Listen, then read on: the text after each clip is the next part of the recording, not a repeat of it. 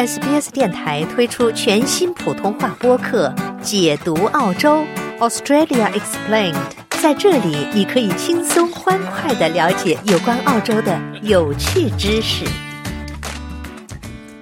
SBS 在堪培拉国会大厦举办了一场精彩的农历新年活动，在现场茶分享的创始人陈云峰先生和两位穿着中国古典服装的茶艺师在现场为大家展示茶艺。有趣的点茶互动活动吸引了很多现场嘉宾的参与。与此同时，中国茶的品种之多，也让普遍来讲只知道中国有绿茶和红茶的澳大利亚朋友们大饱口福。下面请听采访。我叫 Max，茶分享的创始人。啊，对对。然后我们呢是想着把最好的中国茶带到澳洲来。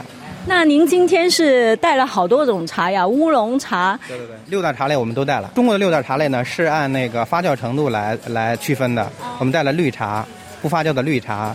呃，未发酵的白茶、黄茶，发酵程度较高的乌龙茶、红茶和黑茶，我们都有带。我们目前我们在悉尼有一千个茶友，百分之九十都是中国人。因为乡愁是一种对口味上的思念嘛。我我们先解决的是，比如说您是潮汕人，刚才您说了，你们想喝凤凰单丛，我们就有最正宗的凤凰单丛，这是最重要的一件事儿。我们先把乡愁解决好，比如杭州人喜欢龙井，我们一定要有龙井；苏州人的碧螺春，我们一定要有。对吧？到了福建人，他们要喝铁观音，要喝五岩茶，要喝好的茉莉花茶，我们一样会有。就是说，我们的目的是，只要你提出一种茶来，我们就会有。当然，中国茶太博大精深了。对，确实是不同的茶，不同的人品起来是觉得有好喝和不好喝，习惯不习惯之分的。那你是因为自己原来在中国是有接触这种茶文化比较多，然后来到这里，你是因为自己没茶喝，所以才想到做这个的吗？您说的非常对，我的初心当时就是没有自己喜欢的茶。因为真正的茶的发烧友，他是喜欢喝不同的茶。因为之前我在国内是经常出差到各个地方，会喝不同的茶，能体验到不同茶的那种微妙的这种美好，它的香气、它的滋味是不同的。所以说，我就过来之后呢，我觉得这种品种太单一了，想着就是说把这个东西去让更多人知道。所以你是因为自己没茶喝，所以才把茶带到这儿来的。对，我觉得这个事儿是推己及人的事情，因为想到了你，你会想到了其他的这种热爱中国茶的人。中国的茶文化是中国传统文化中非常重要的组成部分。我觉得我们有责任和义务去在澳洲推广它，尤其让澳洲的除了我们中国人之外，让更多的这些。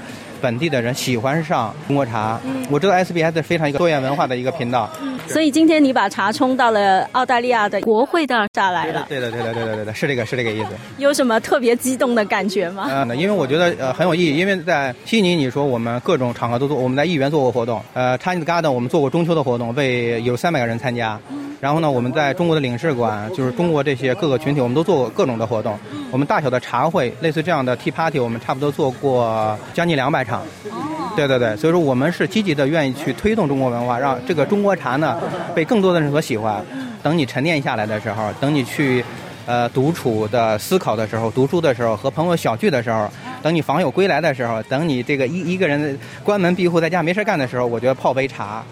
找到自己的精神世界，the mental health 嘛，我觉得是非常大的一个帮助。我非常就是愿意推广中国茶，是因为其实你如果有烦心事儿，我们通过自己泡一杯茶，亲手泡一分泡一杯茶，只要五分钟的时间，你就可以马上 restart。你就可以马上重启你的整个精神状态，非常的治愈。刚才我们听到的就是把茶文化带到 SBS 庆祝农历新年活动现场的陈云峰先生的介绍。在活动结束之后，他发现现场的点茶活动最受欢迎，因为这是带有互动性的一种方式。确实如此，在现场，陈云峰先生的另外一位同事佘礼业就非常耐心的。向大家展示了点茶的这个过程和诀窍，带着好奇的心情，我也体验了一下。下面我们会听到 Shirley 在现场指导我如何点茶。我先试一下这个。好，OK。所以这个是怎么打出来的？啊，我们是用茶粉，绿色的这个茶粉打了七道，就是一直不停的打。哦哦哦，像打鸡蛋一样。对对对对，是的，您可以画了。对啊，好的，这就像个笔哈。对，您做您做吧。好的好的。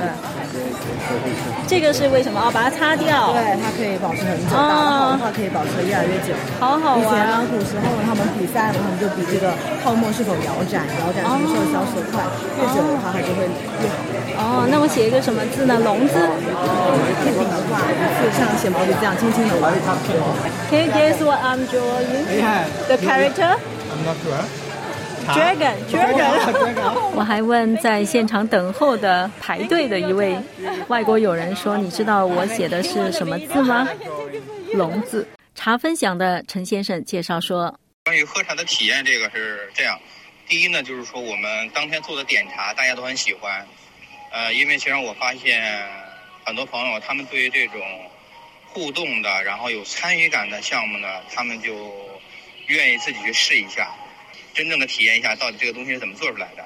这个点茶是非常大家是很喜欢的啊。然后点茶呢，其实上是起源于我们的宋朝。还有一点是，因为当时我们两个茶艺师穿的都是明朝中国明朝制式的汉服，他们都特别的喜欢这个中国的传统的服装，好多人愿意和我们的茶艺师合影，他们还是对中国的传统文化很感兴趣。那么，现场的另外一位茶艺师 Flora 陈，在和前来喝茶的朋友们交流了之后，又有什么样的体验呢？他说。今天现场，我为外国朋友们冲泡了白茶和茉莉花茶，两种茶各自展现了其独特的魅力和风味，给他们带来了全新的体验。从他们的反应中，我感受到了外国朋友对中国茶文化的浓厚兴趣与深切喜爱。